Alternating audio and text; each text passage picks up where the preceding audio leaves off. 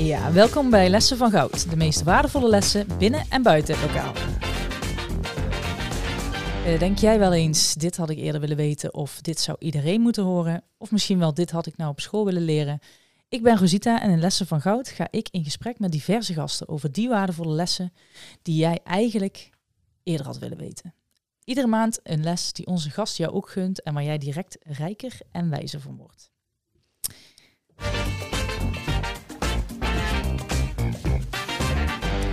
Ja, en in deze aflevering vraag jij je wel eens af: doe ik eigenlijk wel wat ik zelf wil? Hoe bewaak ik mijn grenzen en wat is zorgen voor jezelf nou eigenlijk?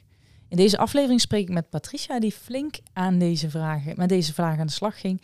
En je hoort welke les van goud zij pakte. Patrice. Hallo. Mag Patrice zeggen, hè? Jij mag dat. Ja, oké. Eh, Patricia Lapré, 36 jaar jong, zeggen we maar even. En eh, getrouwd, mama van twee uh, wondervolle boys. Binkjes van drie en vijf jaar oud. Wonend in Eindhoven. Teamleider binnen zorgorganisatie Prisma. En vooral bezig om de zorg terug naar de medewerker te brengen met Let's Live. Dat is zo'n beetje de introductie die ik voor je had. En wat zouden wij nog meer over uh, jou mogen weten? Nou, dat is al een hele mooie introductie. Um, wat zouden jullie nog meer over mij mogen weten? Dat ik een uh, vrouw ben die positief en sterk in het leven sta. Uh, dat ik heel veel heb mogen leren uit uh, de lessen die ik heb gehad. Um, dat ik het ontzettend belangrijk vind om elke dag opnieuw te pakken. De slingers op te hangen zelf. Ja. Te genieten van de mooie dingen die er wel zijn. Um, ja, dat. Mooi. Ja. Het leven is een feestje, je moet alleen zelf de slingers ophangen. Precies. Dat. Ja. Om nog iets meer over jou te weten te komen, heb ik een aantal stellingen voor je en uh, een hamvraag. Die uh, doen we bij iedere gast. De eerste, het eerste dilemma of de eerste stelling die ik voor je heb is zorgen voor een ander of zorgen voor jezelf? Zorgen voor jezelf. Die kwam er vlotjes uit. Het leven overkomt je of het leven leert je? Het leven leert je. En dan had ik nog een hamvraag voor je. Welke les of docent binnen het lokaal is jou bijgebleven? Um, welke les of docent? Uh, mijn docent van 5 HAVO uh, Nederlands, meneer Van der Voort. Meneer Van der Voort, ja, ja. als je luistert. Mm -hmm. Want, waarom? Waarom is die jou bijgebleven? Omdat ik toen ik in 5 HAVO zat, ben ik blijven zitten. Omdat ik ontzettende faalangst had om te spreken of lezen voor een groep. Dus ik uh, heb mijn spreekbeurt niet gedaan. Waarop hij zei, als je dat niet doet, krijg je van mij een 1. En dan blijf je dus zitten, want dat was mijn derde onvoldoende. Ja. Uh, dat heb ik toen niet gedaan. En het uh, tweede jaar, wat ik dus overdeed, heb ik het uiteindelijk wel gedaan. Omdat hij zei, uh, doe je ogen dicht. En geloof erin dat je het kunt. En dan tel je tot drie. Dan doe je je ogen open en dan begin je gewoon met praten. En zo ben ik daar toen gaan zitten. En dat was de eerste keer. um, ja, voor mij dat ik sprak voor een groep. Wauw. Ja. Dus hij had eigenlijk al die les voor je. Sta stil. Even de tijd pakken en dan geloven dat je het kunt en gaan. Ja, ja, precies. En dat vond ik zo waardevol. Ik heb het voor de eerste keer gedaan en is me altijd bijgebleven. Dat snap ik. Meneer ja. Van der Voort, als je luistert, bedankt daarvoor. Ja. En um, ja, ik heb je uitgenodigd in, uh, in de studio om uh, les van goud uh, met ons te delen. Je gaf al aan in je introductie van ik heb meerdere lessen mogen leren in het leven. Um, maar er is er eentje die is wel zeer zeker bijgebleven. En dat heeft een aanleiding gehad. Als we kijken, even terugkijken naar jouw geschiedenis. Nou ja, je, je bent altijd uh, een uh, vrolijke dame geweest. Dat weet ik toevallig, omdat je mijn zus bent. Um, daarnaast altijd bezig met creativiteit. Bezig met uh, um, leuke dingen, creatief bezig zijn. daar zat jouw, jouw gevoel en jouw invloed. En dat was wat je leuk vond om te doen. En op een gegeven moment in jouw carrière koos je voor de zorg. Ja, zorgopleiding ja. gedaan. Uh, dat gaf je niet alles wat je eigenlijk had gewild. En toen nog een teamleidersopleiding, teamleider geworden.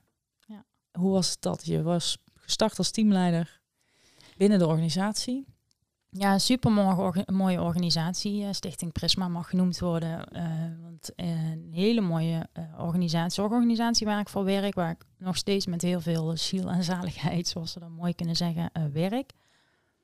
Gestart als begeleider in de zorg. Altijd het gevoel gehad, er mag iets meer. Er, zit, er zit iets meer. Ik ben op zoek naar iets een managementopleiding gedaan en toen gestart als teamleider in de zorg. Inmiddels ook al uh, vier jaar leidinggevend in de zorg, maar ook toen heel erg het gevoel van uh, er zit iets meer. Uh, ik doe niet volledig wat ik zou willen. Dus daarin heel erg op zoek gegaan naar, ja, wat is dat creatieve wat er nog uit mag. Mm ook wel ontzettend ervaren dat ik uh, uit de bocht vloog, zoals ik het dan wel eens noem. Ook als teamleider weer uh, uit de bocht vloog. Dat had ik al een keer gedaan als, als begeleider in de zorg en daarna nog een keer. En wat is dat uit de bocht vliegen? Um, ja, sommige mensen zeggen een burn-out. Daar vind ik een grote woord ervoor. Ik weet niet of dat ik echt per se een burn-out heb gehad. Wel heel veel signalen die erop leken in ieder geval. Ontzettende disbalans ervaren. En dan merk je vooral doordat je uh, heel erg lichamelijke ongemakken krijgt. En merkt dat je heel veel moe bent uh, en dat uh, ja, je eigenlijk niet meer functioneert zoals je zou willen. En ik denk dat dat signalen zijn dat er iets niet klopt, dat je iets doet, dat het te veel energie kost waar je mee bezig bent. Ja. Meer dan dat het oplevert. En dan mag je volgens mij bij jezelf te raden gaan wat, ja, waar zit hem dat in? Wat is dat? Waarom het, waarom het zo voelt? Precies, ja. En je zegt dan vooral lichamelijke signalen eh, kreeg je, voelde een disbalans. Uh, waar voelde je dat om meer? Waar was dat bij jou herkenbaar? Uh, ik, voelde, ik voel dat heel snel in mijn onderbuik. Um, on, onrust, dat voel je denk ik overal. Waar ik het bijvoorbeeld heel erg aan merk is als ik aan mijn, uh, ja, om dan een concreet voorbeeld, ik ga dan aan mijn nagels zitten bijten. Mm mijn haren groeien slechter of vallen uit. Dat waren voor mij allemaal signalen. Dat zag ik niet meteen op dat moment zo hoor. Maar daar waren later wel allemaal signalen dat, uh, uh, ja, dat er iets niet helemaal klopte. Zo voelde het denk ik ook wel. Ja. Iets klopt er niet helemaal. En je was een volle bak, ging je erin in de zorg. Um, zijn er dan bepaalde eigenschappen waar je dan extra tegen aanloopt? Of, of die ervoor zorgen dat je je zo gaat voelen? Um, ja, ik ben daar ook volle 100% ingegaan. Ook in mijn rol als leidinggevende in de zorg. Ik ga altijd met 110% ergens voor mm als ik iets doe. Dus een, een, een, mooie eigenschap en ook een ontzettende valkuil uiteraard. Uh, dat deed ik dus als manager of als leidinggevende in de zorg ook. En daarmee verloor ik mezelf uit, het, uit beeld. En was ik vooral bezig om heel hard te werken voor anderen voor mijn medewerkers vind ik ontzettend belangrijk. Ik heb een ontzettende passie voor de zorgmedewerker. Ja. Um, maar daarbij niet in de gaten hebben dat je jezelf uit beeld verliest. Um, en eigenlijk jij steeds aan het aanpassen bent aan wat je denkt dat die ander van je wil zien. Wat wil die zorgorganisatie van mij? Wat willen collega's? Wat wil mijn manager? Wat willen medewerkers? En op een gegeven moment gaat iedereen aan je trekken voor je gevoel. Ja. En raak je het eigenlijk een beetje kwijt. En dat is natuurlijk iets wat zich opstapelt. Dat gebeurt niet van de een op andere dag, maar dat gebeurt dan wel.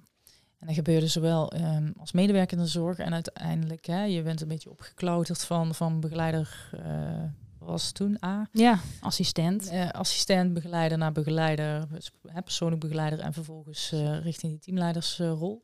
en wederom gebeurde het daar dat je jezelf wegschrijverde, ja. bezig was voor, voornamelijk voor zorg voor die ander. Ja. En toen die signalen kwamen, wat is het moment waarop je dacht van ja, daar, uh, dat was echt wel een breaking point. Dat was het moment waarop ik echt wel wist van uh, daar, ga, daar ga ik weer of daar ga ik.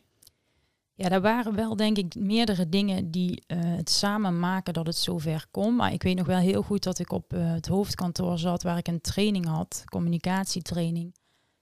Um, en dat ik daar werd aangesproken door degene, de man die die training gaf. Eh, die training ging ook over communicatie en verzuim. Mhm.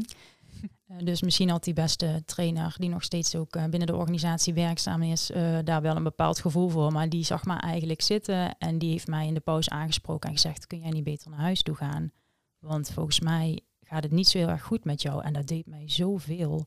Dat iemand die je helemaal niet kent, um, dat dus blijkbaar zo, zo aan mij zag. En hij had gelijk hoor. Ik zat er wel, maar ik was er, ik was er niet meer. In de zin van, ik, ja, eh, ik was ontzettend moe. Ik kon die informatie niet meer opnemen.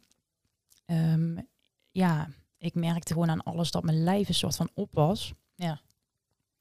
Dus, en daar raakte mij heel erg dat zo iemand daar gewoon ziet zonder dat hij je kent. En toen ben ik ook uiteindelijk naar huis gegaan. Ik weet niet meer precies hoe ik thuis ben gekomen. Ik weet wel dat ik de auto een keer langs de kant had moeten zetten. Omdat ik, dan geef je je over ehm, aan dat gevoel. En dan is het ook echt op. Dan is het Ja. echt helemaal op. Ja. Je gaf je over aan dat gevoel, eh, eh, vermoeidheid te noemen, ehm, onrust te noemen. Wat, wat is het gevoel waar je aan overgaat? Ja, ehm, ja, het gevoel van steeds maar door moeten aanpassen aan anderen, die aan die hoge eisen willen voldoen. Het is natuurlijk een, eh, een, een grens die je voor jezelf eh, moet leren aan te geven. En een lat die jij, die ik zelf altijd heel erg hoog heb gelegd. Er is niemand anders die dat van mij vraagt, alleen mezelf, alleen ikzelf doe dat.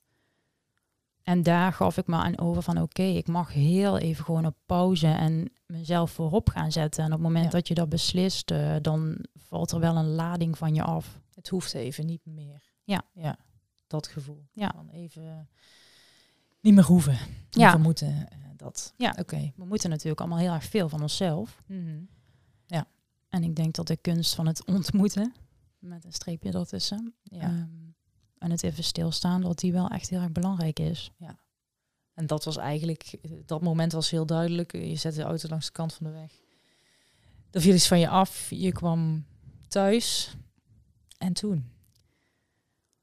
Ehm, toen heb ik eerst heel lang geslapen en toen heb ik gepraat nog een keer met mensen om mij heen die, da- die dit wel al zagen aankomen. En toen ben ik, eh, heb ik hulp toegelaten ook. Want eh, de overtuiging om het alleen te moeten doen zit ook wel vaak in eh, best wel veel mensen. En die zat ook in die van mij. Ik moet het alleen doen, dat zou, dat zou sterk zijn of zo in mijn hoofd. Dat heb ik losgelaten. Dus ik heb hulp aanvaard. Ik heb hartstikke goede hulp gehad. Eh, en dan kun je in kleine stapjes eh, leren om goed voor jezelf te gaan zorgen. En wat, wat is dat dan goed voor jezelf zorgen? Want ik hoorde die term wel ooit, of het werd ook wel ooit gezegd. Hè, je moet eerst goed voor jezelf zorgen en dan kun je pas goed voor die ander zorgen. Ja. Maar dat is maar een loze kreet als je er geen inhoud aan geeft. Of als je het niet concreet maakt, ja, hoe dan? Hoe dan? Hoe, hoe moet je voor jezelf zorgen? Ja. Precies. Ja.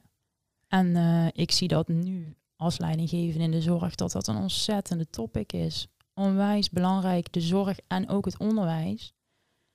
Mijn visie daarop is dat dat vooral mensen zijn die ontzettend dienstbaar zijn Ja. aan die ander. Iedereen wil zorgen. Ja. Mhm. Dus je hebt vanuit nature zet jij die ander voorop. En dat in een maatschappij en eh, in de drukte van, van onze huidige maatschappij, waarin wij heel veel vragen van onszelf, waarin wij het gevoel hebben dat we heel veel moeten van onszelf en voor die ander, waarin wij ons aan het aanpassen zijn, en een dienstbaar iemand, ja, dan maakt het wel dat, eh, dat het heel lastig wordt om daarin nog je balans te bewaren, om het zo maar te Ja. zeggen. Waar ligt mijn grens? En hoe zorg ik dan voor mezelf? Ja, en dan heb je aan de lijve Ja, ondervonden dat er een, eh, een grens is aan het zorgen voor die ander. absoluut. Eh, met name als je jezelf dus wegcijfert daarin. ja, Dus eh, helder, je, je liep gewoon keihard tegen de, tegen de lamp aan. En toen eh, mensen toelaten, zorgen dat je eh, in ieder geval bewust wordt van wat doe ik nou eigenlijk om, eh, om het zover te laten komen. Wat zijn die patronen waar ik iets mee wil of iets mee kan. Ja. Ehm, en dan zou jij graag een les van goud mee willen geven aan onze luisteraars. En die wil ik eventjes op een tegeltje zetten.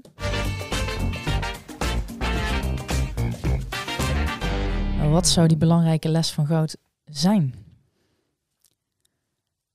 Ik denk dat die zo simpel is als ben je bewust dat je op tijd stilstaat en goed zorgt voor jezelf.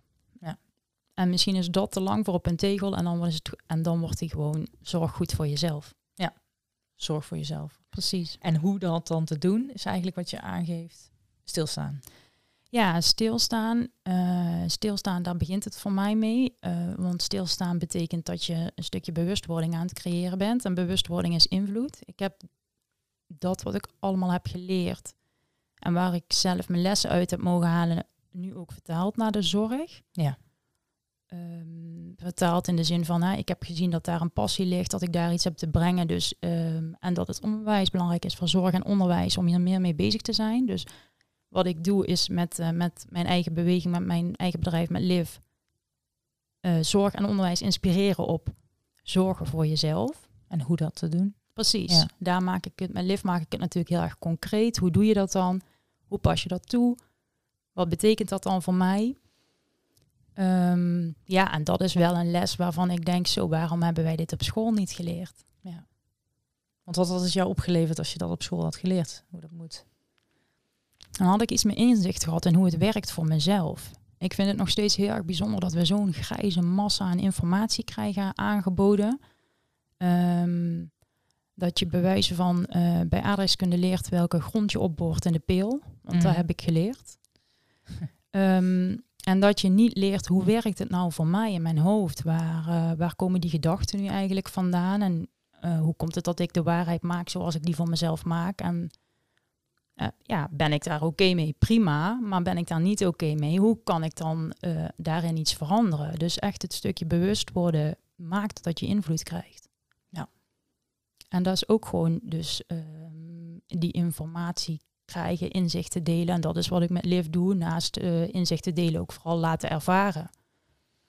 Hoe doe je dat? Ja. Je sterk voelen. Hè? Ik zeg wel eens met Liv, we hebben het vaak over positief denken. Hoe doe je dat nou? Want je kunt niet positief denken als je je niet positief voelt. Nee. Maar ja, hoe doe je dat dan? Jezelf positief voelen. Nou, daar, daar zijn hele concrete dingen voor die je daar heel erg gericht op kunt doen. En daar ben ik met Liv heel erg mee bezig. En gelukkig mag ik daar, eh, krijg ik daar ook de ruimte voor nu binnen de zorg om dat breed uit te rollen. Ja, precies. Ja. En dat zijn dan, eh, om een concreet voorbeeld te geven, van, van eh, je weet in ieder geval, je, je- het is belangrijk te weten hoe, je, hoe het werkt in je hoofd. Dus een stukje breinkennis. Ja. Ehm, hoe zit het in elkaar? Hoe, eh, hoe denk ik? En, ehm, en hoe kan ik het voor me laten werken? Ja. Dat. Ehm, daarnaast zeg je van, nou ja, hoe, eh, hoe sta ik in het leven? Hoe sta ik in mijn vel? En wat kan ik doen om me goed te voelen en positief te voelen? Ja. Eh, Wat is dan iets wat voor jou direct werkt om je goed te voelen? Wat zouden onze, onze luisteraars ook moeten doen? Nou, zoiets heel erg kleins als waar wij ons niet zo goed, niet zo vaak bewust van zijn, is hoe belangrijk jouw eh, fysiologie, en dat is misschien een moeilijk woord, maar dat betekent gewoon je fysieke lichaam, dus jouw houding, hoe je die voor je kunt laten werken op het moment dat jij eh, jouw fysieke lichaam verandert. Dus bijvoorbeeld eh, gaat huppelen. Ja. Of gaat trampoline springen, dan gebeurt er gewoon echt iets anders in jouw lijf. Er worden andere hormonen aangemaakt, waardoor jij je die hormonen zorgen voor een bepaalde emotie. En waardoor jij in een andere staat komt. Doordat er andere hormonen, doordat er een andere emotie is.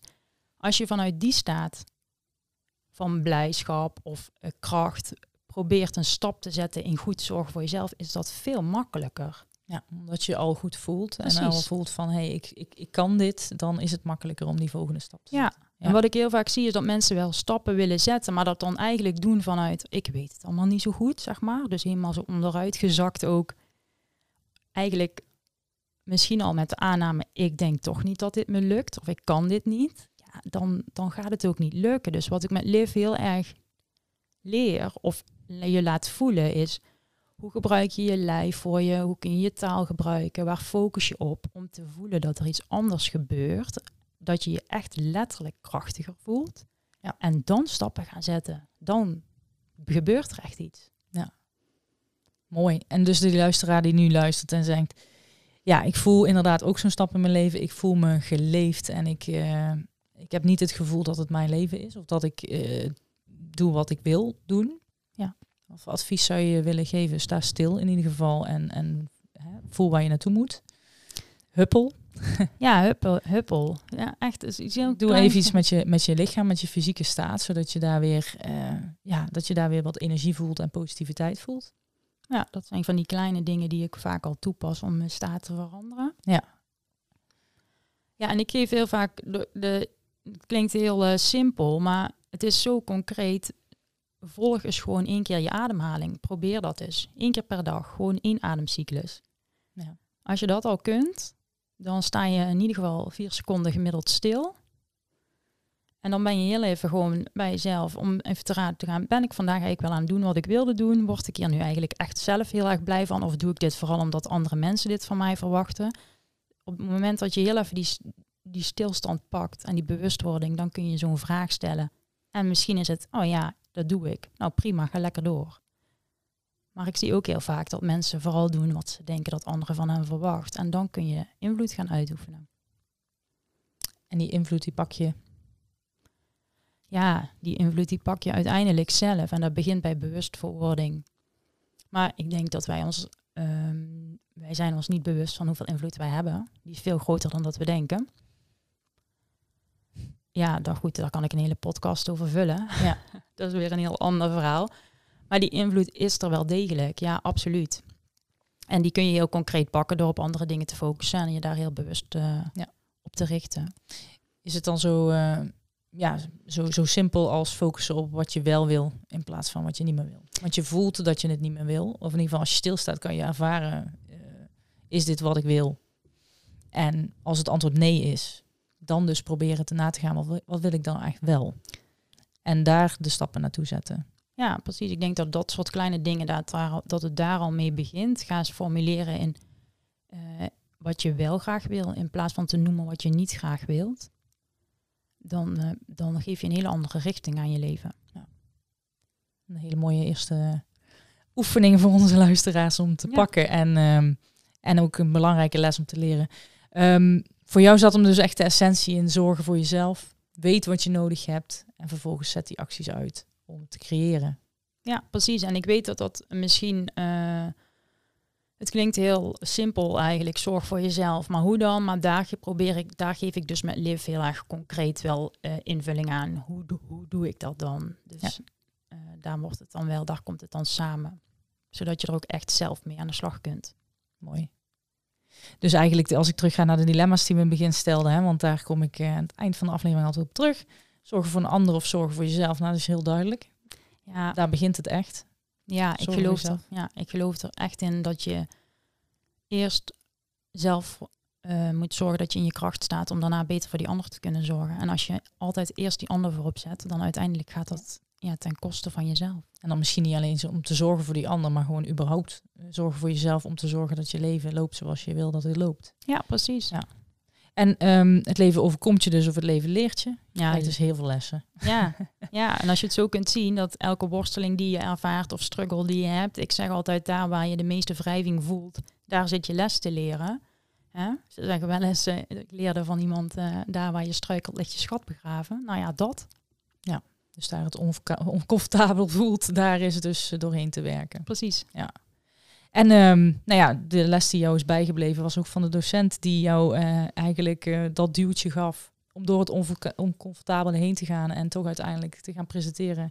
En zie wat je nu doet. Je staat voor volle zalen. Ja. Uh, 75 plus mensen online, fysiek maakt niet uit. En jij, jij verkoopt je verhaal of je vertelt je verhaal. En daarmee inspireer je heel veel mensen. Ja. met dus die tegel, zorg voor jezelf. Ik zou zeggen, dank je wel voor uh, deze tijd en energie die je ons hebt gegeven en de waardevolle les van goud. En voor al die anderen die nu aan het luisteren zijn. Zorg voor jezelf en pak dat moment. Dankjewel. Tot de volgende les van goud. Volg ons ook op Instagram.